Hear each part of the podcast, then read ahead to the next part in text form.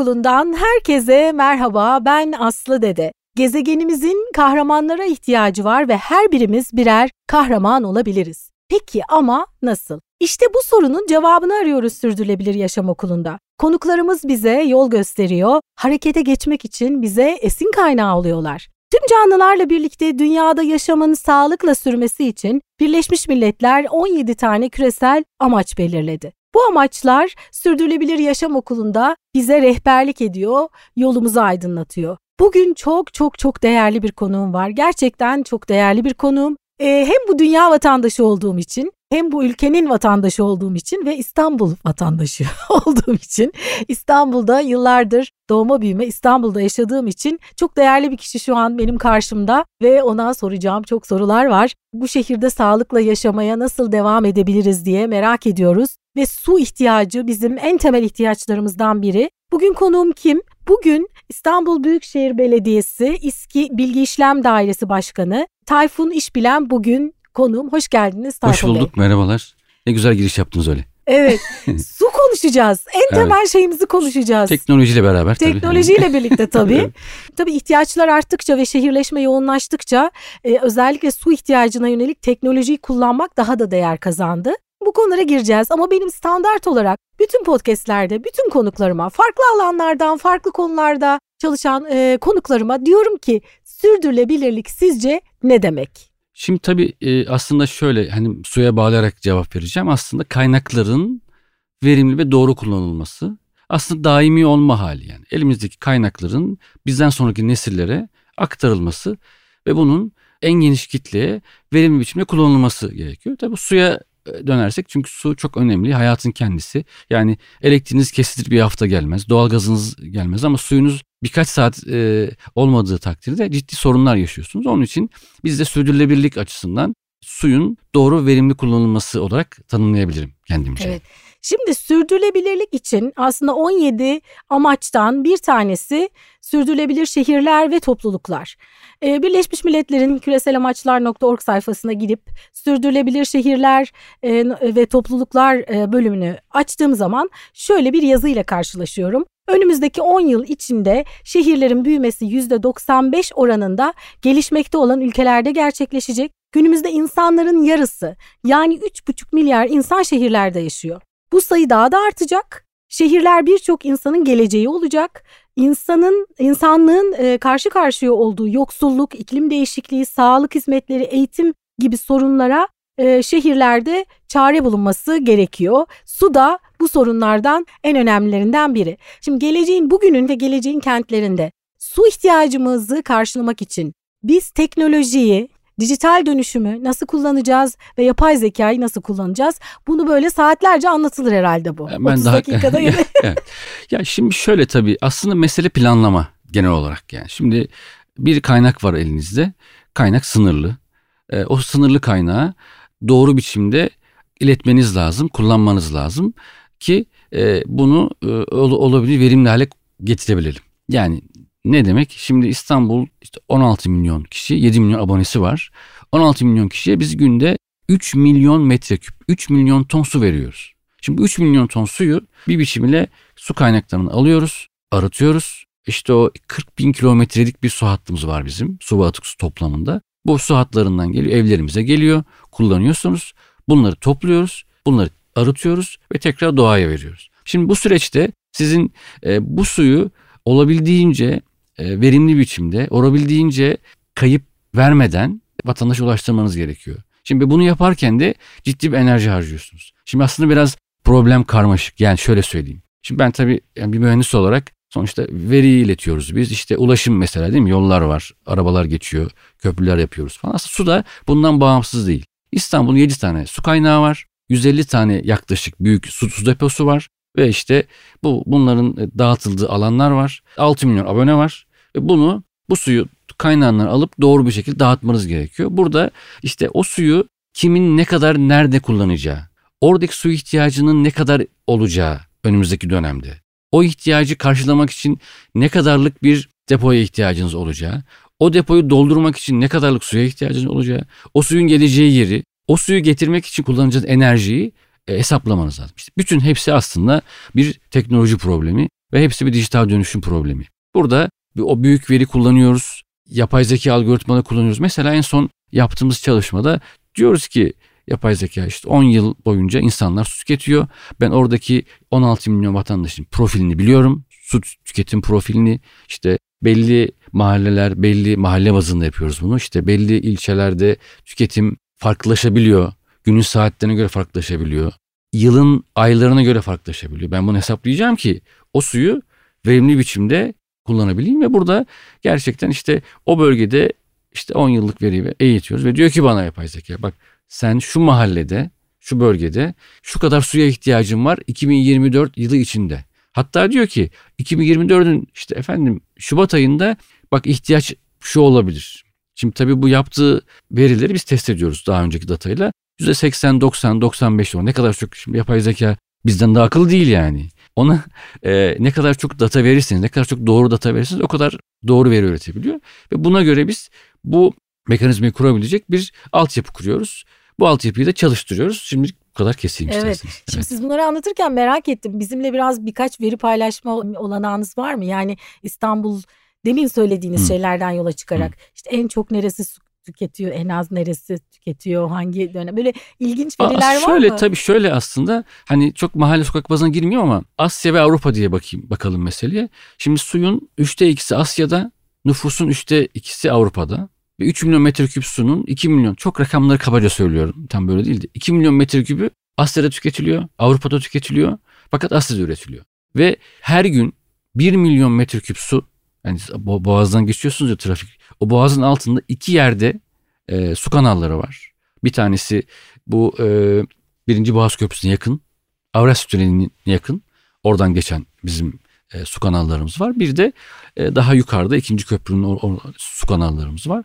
Ve günde yaklaşık yani bazı 800 ile işte 1200 arası değişiyor ama 1 milyon metreküp yani metreküp deyince ton yani 1 milyon ton su Asya'dan Avrupa'ya geçiyor. Ve Avrupa'da bu tüketiliyor. E, onun için mesela bu su kesintileri ve yani bu tür e, durumlarda e, As Avrupa daha sıkıntılı. Özellikle işte büyük çekmece tarafları orada çünkü oradaki su kaynaklarımız daha sınırlı. İstanbul şimdi Avrupa'da oturuyorsanız eğer yani e, suyunuzun e, neredeyse içtiğiniz suyun hani iki kişiden bir tanesi Avrupa'dan gelen suyu, Asya'dan gelen suyu içiyor. Ömerli Barajı'ndan. Hatta Melen'den geliyor. Ha bir de şunu söyleyeyim mesela Melen Barajı 200 kilometre uzakta. Biz e, işte o baraj bitmedi. O daha derin bir yara yani. Yani o işte e, bir söylentiye göre 1 milyar dolarlık bir bütçe var harcanan bir e, proje var fakat baraj bitmiş ve çattık. Baraj kullanılamıyor. Baraj kullanılamadığı için tabii İstanbul su ihtiyacını da 2050'ye 2070'e kadar orası e, hesaplanarak bir e, su e, network oluşturulmuş. Biz orada biriken suyu her gün İstanbul'a aktarıyoruz ve yaklaşık 200 kilometrelik bir boru hattından e, o da işte zaman zaman işte 300 bin zaman zaman 500 bin, zaman zaman 1 milyon metreküp su, su olduğu sürece kullanıma bakılmadan, ihtiyaca bakılmadan çünkü hani hesaplayamıyorsunuz oradaki suyun ne, ne kadar e, birikeceğini çünkü baraj olsa hesaplayabilirsiniz. O su 200 kilometrelik e, mesafeyle İstanbul'da öncelikle Ömerli Barajı'na ve oradaki en yakın arıtma tesisine gelerek e, arıtılıyor ve İstanbulluların kullanımına e, sunuluyor. Bu arada yani bir veriyle şöyle bitireyim e, yaklaşık hani 1 milyar kilowatt saatlik elektrik tüketim var İstanbul'un. Yani bunu hani paraya vurursak şu an rakamlarla aylık tüketimi yaklaşık 5-600 milyon TL. Yıllık tüketimi 7-8 milyar TL'ye varıyor. Bu da bütçesinin yani %20'sine kadar 20'sine e, varan bir rakam. Tabii hani bu demin e, başta bahsettiğim o dijitalleşmeyi ve doğru yönetimi sağladığınızda bu tüketimi azaltıyorsunuz. Tüketim azalttığınızda tabii doğaya bir işte daha az karbon ayak izi e, sunuyorsunuz. E, son cümlemle şu olsun hani su Allah'ın suyu bedava mı geliyor meselesi var ya. İşte öyle değil yani yaklaşık e, yani 8-10 milyar TL'lik bir elektrik parası ödüyor İSKİ her sene o suyu getirmek, arıtmak ve dağıtmak için. Evet.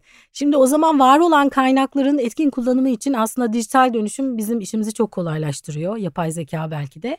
Peki yeni kaynakların yaratılması için de yine e, dijital e, tekniğe ya da işte yapay zekaya ihtiyacımız olur mu yeni kaynaklar yaratmak için? Şimdi o tabii biraz daha hani daha çevre mühendislerinin ve e, inşaat mühendislerinin problemi. İstanbul'da yani şu tabii tabii yapay zeka şunu yapabilir. Tüm işte, Türkiye'nin su kaynaklarını e, öğrenip doğru nereden su gelebilir İstanbul'a. İşte mesela zaman zaman Sakarya Nehri'nden su alınıyor. İşte Meriç'ten su alabiliriz gibi şeyler var. Bir deniz suyu tabii çok pahalı bir şey deniz suyu arıtmak. Ama bunlar da e, bunlar da hesaplanıyor.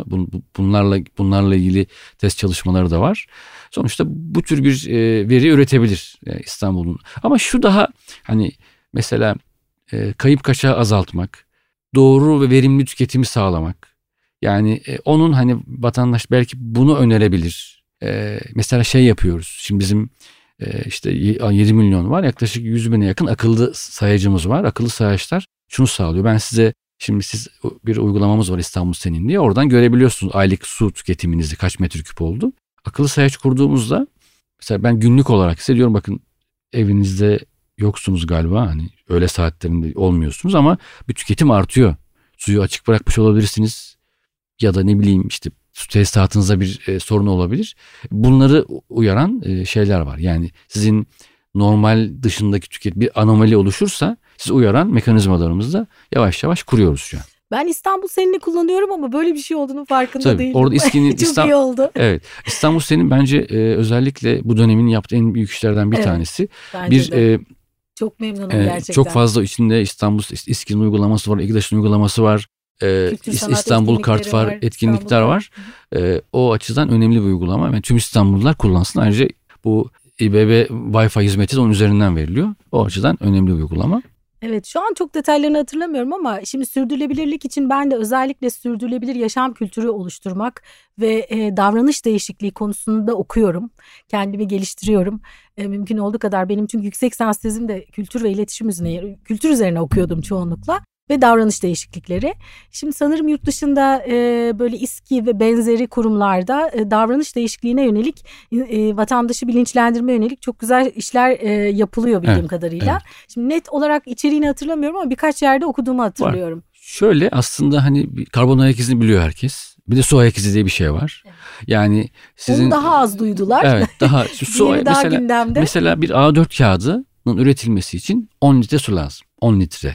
Yani Hani 100 A4 bir ton suya denk düşüyor ya. İşte bir e, tişört işte bilmem kaç e, metreküp su. İşte bir hamburger e, işte bir, bir, bir ton su falan. Şimdi Avrupa'da ben de bulundum. O e, bir takım e, su müzelerinde e, bu tür şey yerler var. Yani işte çocuk e, çocuklarda bir farkındalık yaratmak adına işte ne bileyim bir hamburger yediği zaman bir tişört bilmem ne işte başka bir şey yaptığı zaman ne kadar su tükettiğinin e, bilgisini alabiliyor. İşte, e, İSKİ'nin bu tür çalışmaları var. Hatta bir spoiler vereyim size bir müze projemiz var. Ee, bunu yetiştirmeye çalışıyoruz. Bu oralarda biz de bunları anlatıyor olacağız. Bizim e, kurum içinde de böyle bir metreküp e, şey mesela 20 lira şu an değil mi? Çok ucuz ama e, onun ne anlama geldiğini için bir metreküplük küplerimiz var böyle kurum içinde ve belirler koyuyoruz ki dikkat edin yani. Bir metreküp su bu kadar sudan bahsediyoruz. Onun için bu tür farkındalıklar önemli. Yani suyun doğru kullanımı, doğru tüketimi önemli. Yani şimdi biz tabii işte suyu oradan alıyoruz, getiriyoruz, götürüyoruz ama önümüzdeki dönemlerde e, ciddi su sıkıntıları yaşayabiliriz. Şimdiden biz teknolojik olarak işte doğru dağıtımını sağlamak, kayıp kaçakları azaltmakla ilgili e, çalışma yapıyoruz. Bu bir, bir orada veri vereyim mesela İstanbul'da su kayıp kaçak oranı %19 civarı. Yani işte 3 milyon metreküp suyun işte yaklaşık 500 metrekübü kayboluyor. Yani bir kısmı tabii toprağa giriyor bir kısmı da işte o sayaçlarda okunamıyor gibi. E, bunlar mesela bu sayı 30 25 30'lardan buraya indi. Şimdi tabii sayının büyüklüğü şöyle söyleyeyim mesela Anadolu'da bu sayı 45 50'lerde. Dünyadaki en iyi örneklerinde %12-13'lerde. Bana yani. da 19 iyi gibi geldi. Tabii tabii yok yok çok evet. iyi bir rakam. Çok iyi bir rakam bu. Ee, mesela bunu yapmaya çalışıyoruz. Tabii burada e, vatandaşlar su kullanıcılarının da daha dikkatli su kullanmaları. İşte belki bizim basınç yönetimiyle ilgili sorunlarımız var. Mesela suyu kullanılmadığı zamanlarda kullanıyor olmak elektrik gibi. Yani işte e, ne bileyim çamaşır yıkamaları gibi şeyleri daha e, akşam yapmalarında e, fayda olabilir. E, bu akıllı sayaç meselesinde hani çok kısaca şunu söyleyeyim. Orada bu projemiz devam ediyor. Şu an işte dedim 100 bine yakın akıllı sayaç var. Orada üret, ürettiğimiz projelerde tüketim alışkanlığını takip edebiliyoruz. Yine yapay zeka ile. İşte mesela çamaşır makinesi mi çalıştı? Çünkü biliyoruz o makine çalıştığı zaman ne kadarlık su çekeceğini. Bulaşık makinesi mi çalıştı? Duş mu yaptı? İşte tu- tuvaleti mi kullandı gibi işte elini mi yıkadı? Yani bu hassasiyeti ölçüp onun bir alışkanlık belirleyip ona doğru bir tüketim şeyi e, önerip daha az tüketmesini sağlama, sağlayacak e, çalışmalarımız devam ediyor. Çok güzel. Gerçekten o su müzesi çok çok sevindim bunu duyduğuma. Çünkü gerçekten o rakamlarla söylendiğinde çok algılanmıyor ama dediğiniz gibi o e, su o işte birkaç metreküp demiştiniz. e, su şeyleri tanklarında. Bir, hayır, bir metreküp. Bir metreküplük. Mesela bu hani su ayak izinde şimdi diyorsunuz ki işte 10 metreküp su. Hı hı. Şimdi kafasında oluşmuyor Ca- bir şey. Canlanmıyor ama metreküp, siz onu gösteriyorsunuz. Mesela bu odamız kadar bir yer yani. Evet evet. 10 evet. Çok güzel su. bir şey. Şimdi geçtiğimiz günlerde biz de bir enerji projesi için çocuklara restlerin olduğu, rüzgar enerji santrallerinin olduğu bir bölgeye gittik. Şimdi çocuklar sürekli o santrallerin yanından geçiyorlar ama biz onlara rüzgarın nasıl enerjiye yarattığını küçük bir maket üzerinde gösterdik ve onlar kendi kurdukları maketten o e, evin içerisindeki lambanın yandığını gördüklerinde evet. inanılmaz şaşırdılar. Evet. Yani şimdi sözle anlattığınızda tabii aynı olmuyor ama orada uygulamalı gösterdiğinizde gerçekten çok etkisi var. Peki vatandaşın İstanbul'da yaşayanların size önerileri olsa biz şikayet etmeyi daha çok severiz evet. öneriden ama e, yani katkı sunacak önerileri olsa size rahatlıkla ulaşabiliyorlar mı? Tabii tabii bizim e, yani İSKİ en İBB'nin bir bünyesi İBB'nin bir yan kuruluşu e, zaten İSKİ. E, bizim işte 185 telefon numaramız var. İSKİ'nin 32 tane şubesi var. E, biz çok hani iletişime açık bir yer İSKİ. Yani 185 çevirdikleri anda ulaşabiliyorlar sorunlarını söylüyorlar. Hemen geri dönüş yapılır.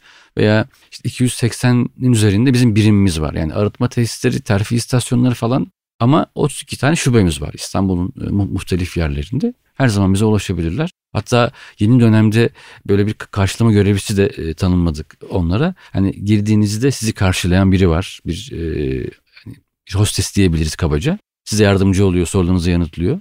E, işte işlemlerinizi yapmanızı kolaylaştırıyor. Bu tür e, çalışmalarımız oldu bu dönem. Evet. Tayfun Bey siz e, bu göreve gelmeden önce neredeydiniz ben onu da merak ettim şimdi. Evet. Şimdi ben e, işte 32 yıllık mühendisim aslında ve çeşitli yerlerde mühendislik yapıyordum. Öncesinde kendi işlerim vardı. Ondan önce daha çok haberleşme sektöründe işte Netaş, Tersim e, de çalıştım. Bir de medya sektöründe deneyimim oldu. Özellikle Sabah ve Uzan grubunda bir süre çalıştım. Hem hep mühendislik yaptım yani. Evet. E, çünkü daha önceden Enerji AŞ'den de e, Yüksel Bey gelmişti. Hı-hı. Gerçekten hani İBB'nin yani o yapıların başında çok doğru insanlar olduğunu görüyoruz Şunu, geçmişe bakıldığında. Tabii ya ben hani biraz hafif bir siyasette e, konuşursak eğer özellikle bu dönem Ekrem Bey ile beraber gerçekten çok ciddi bir vizyon değişikliği sağlandı. Ben tabii teknoloji gözüyle bakayım. Bizim bir teknoloji masamız var. İşte Yüksel'de masanın bir üyesi. Evet. E, işte orada İETT, İSKİ, İBB'nin bilgi işlem daire başkanları ve e, işte bizim İsterkom, Belbim, e, İSPAK, Metro AŞ, İSPER, OGETAM gibi kurumlarında yöneticileri ve IT e, sorumluları var. Ve biz bütün problemleri birlikte konuşuyoruz. Aslında tamamen sürdürülebilirliğe denk düşen bir şey söyleyeyim burada. Mesela oradaki tüm IT çözümlerimizi birlikte planlıyoruz. Mesela İSKİ'nin e, şeyin İBB'nin Başakşehir'de bir, bir veri merkezi var. Daha önce gerçi hiç kullanılmamış, çok atıl kalmış veri merkezi. Şu an neredeyse e, kurumun tamamı mesela İSKİ biz özellikle önemli bir kısmı oraya taşıdık, İGZAŞ taşıdı. Orada kullanıyoruz. Mesela bu hani biraz da şeye döneyim isterseniz. Bu Green IT yani yeni bir kavram var işte.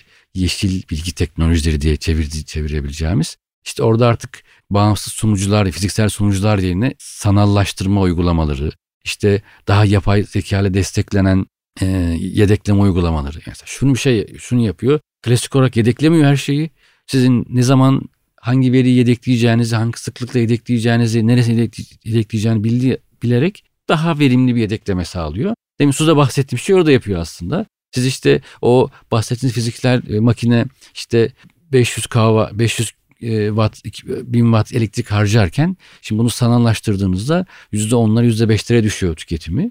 E, artık buraya gidiyor ve daha az elektrik tükettiğiniz zaman çünkü bir veri merkezinin en büyük tüketimi gider elektrik e, tüketimi. Daha az enerji harcıyorsunuz ve kaynakları daha doğru kullanabiliyorsunuz. Yani orada sanal ortamda atıyorum işte bin core işlemci var ve bilmem ne kadar RAM var ise o bütün o birim e, işte İBB'nin birimleri ihtiyacı olan kaynağı kullanıyor.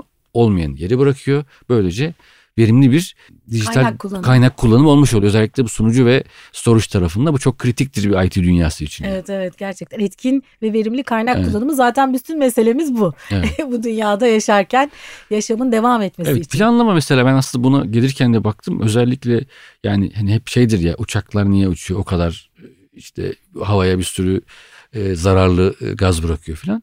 İşte bunun planlama önemli. Planlarken de biraz bu kamu yararı tarafı önemli. Yani daha geniş kitlenin faydasını gütmek lazım. İnsanları daha az hareket ettirmek lazım belki. Ee, daha evden çalışabileceği, o kaynakları daha verimli kullanabileceği. Şimdi biz mesela yeni bir proje yapıyoruz. Bu sanal masaüstü projesi var. VDI teknolojisi. Artık hani eskiden bankalarda böyle aptal terminaller vardı ya. Şimdi tabii onlar daha akıllı hale geldi ama o sizin sunucuda yaptığınız e, sanallaştırmayı ve kaynak paylaşımını artık client yani önünüzdeki bilgisayarda yapabiliyorsunuz. Yani sizi kullandığınız bilgisayar açtığınız zaman o kullanacağı veriyi e, gidiyor sunucudan alıyor.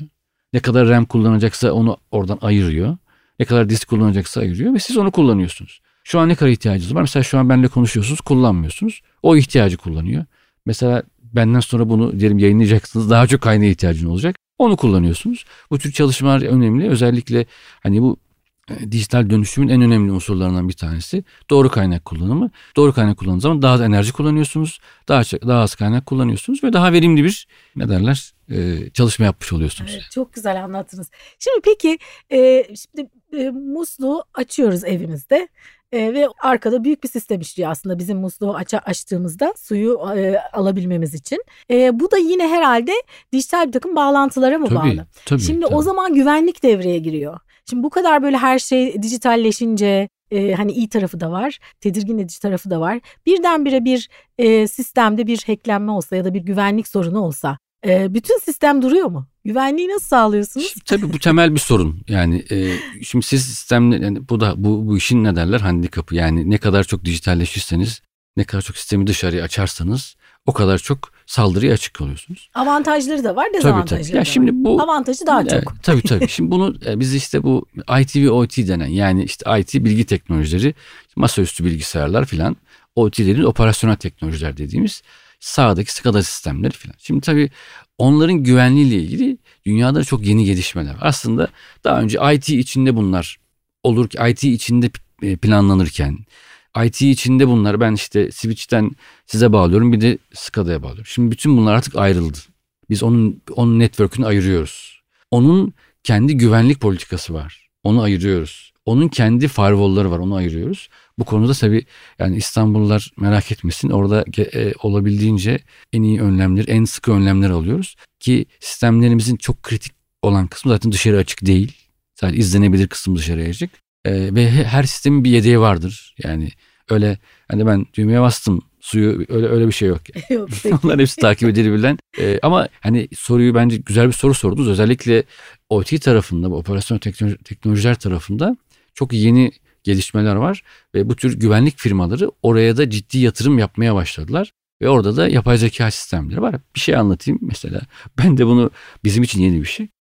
Bütün işte güvenlik önü alıyorsunuz, her şeyi yapıyorsunuz falan. Genelde bu tür hackerlar oraya önce virüs gibi yerleşiyor. Birkaç ay bekliyorlar. Sistemi anlamaya çalışıyorlar filan.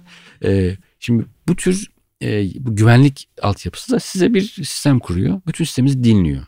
Bir anomali var mı diyor mesela. Normalde işleyen bir veri akışı var. Hangi bilgisayar ne kadar veri kullanıyor onu öğreniyor. Bir de benzer bir sistem dünyada nasıl çalışıyor onu öğreniyor. Bil, biliyor her şeyi polis gibi ve orada bir anomali varsa ya efendim bak buradan yanlış fazla bir şey gidiyor. Buradan eksik bir şey geliyor. Burada bir fazla da veri akışı varsa sizi uyarıyor ve siz ona göre önlem alıyorsunuz. Yani bu sistemlerde özellikle teknolojiyle beraber çok gelişti ve çok doğru bir yere gitti. Daha güvenli hale geldi diyebiliriz.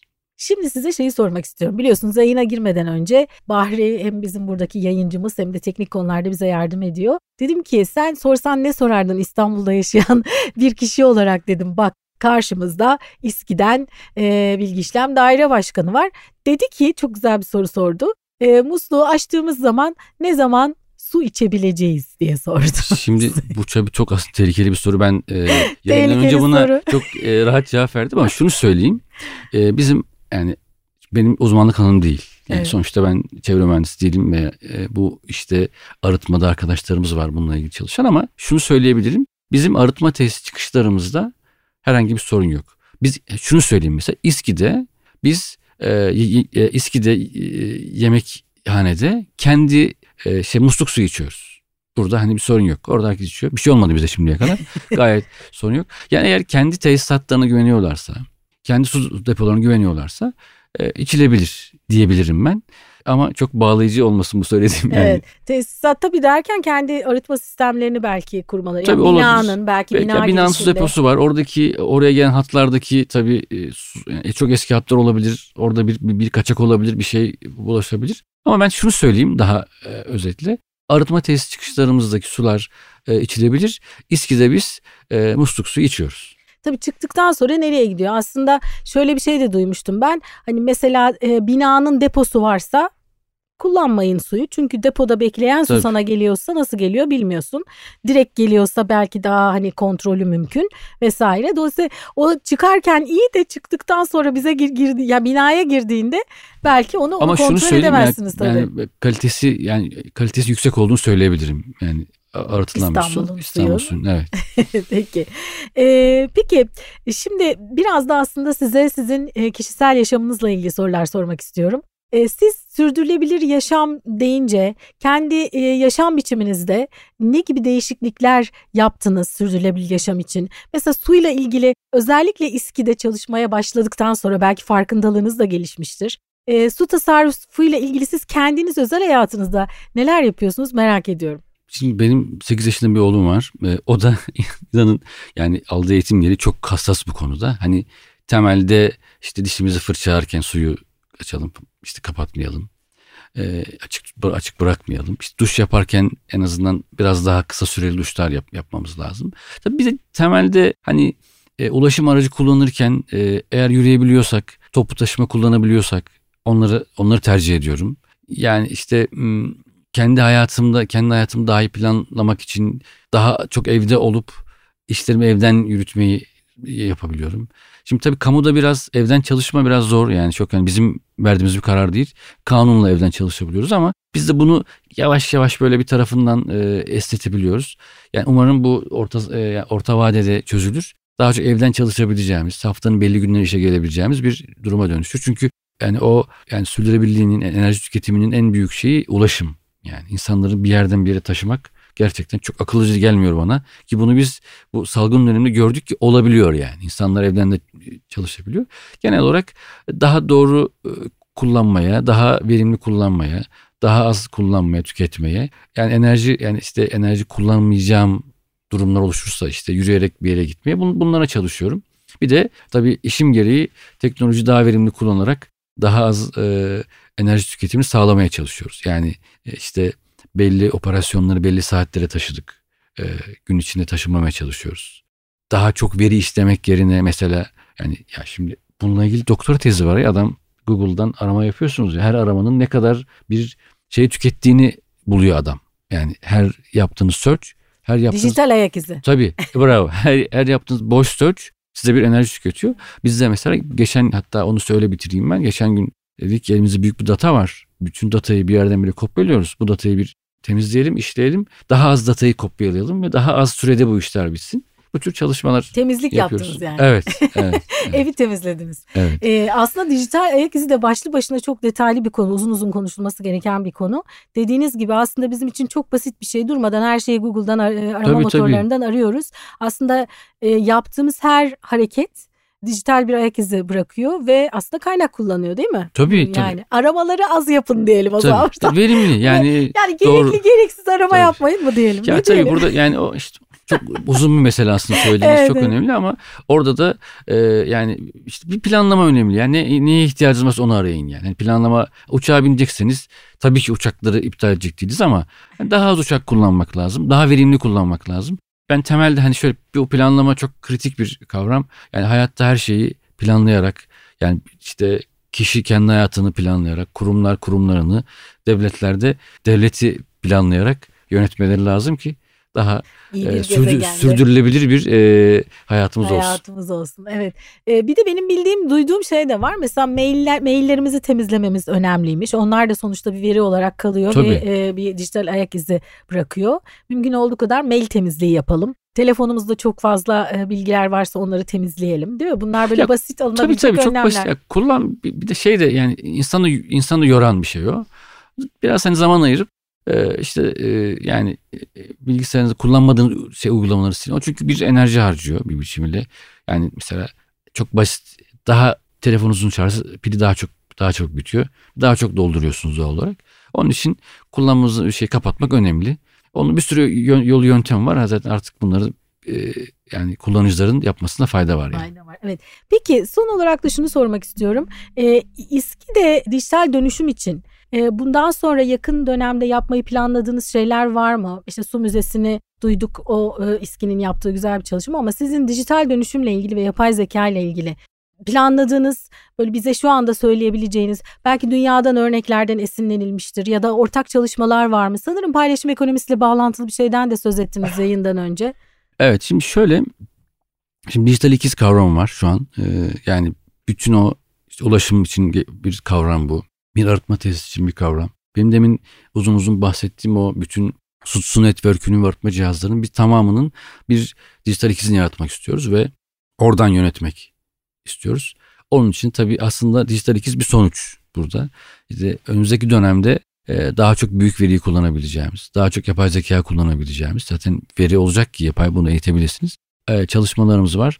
İşte özellikle suyun doğru tüketimi, tüketim doğru tüketim tahminleme yapmak, kullanıcıyı doğru profillemek, kullanıcı profillerine göre fiyatlama yapmak gibi e, özellikle yapay zeka büyük veriyi kullanacağımız çalışmalar yapıp yapmayı planlıyoruz ve İSKİ'nin dijital ikizini oluşturup onun üzerinden yönetmek İSKİ'yi en büyük hayalimiz bu zaten. Dijital, dijital ikiz deyince tam olarak ne anlamalıyız? Şöyle, yani yedekleme gibi hayır, bir şey değil. Hayır, hayır. Bu o sistemi gerçek zamanlı çalışan gerçek, iki tane sistem evet, değil mi? Gerçek zamanlı çalışan bir e, elektronik ortam gibi düşünün. Hı hı. Yani siz hani oradan oynayarak e, işte arıtma tesisindeki işte klor miktarını bile otomatik olarak değiştirebileceğiniz, ona ona ona bağlı olarak ne kadar su alacağınız, işte ne kadar suyu arıtmanız gerektiği gibi şeyle yanıt verilecek bir e, altyapıdan bahsediyorum yani. İşte bütün o 40 kilometrelik işte bunun 23 bin kilometresi su, 18 bin kilometresi atık su hattı.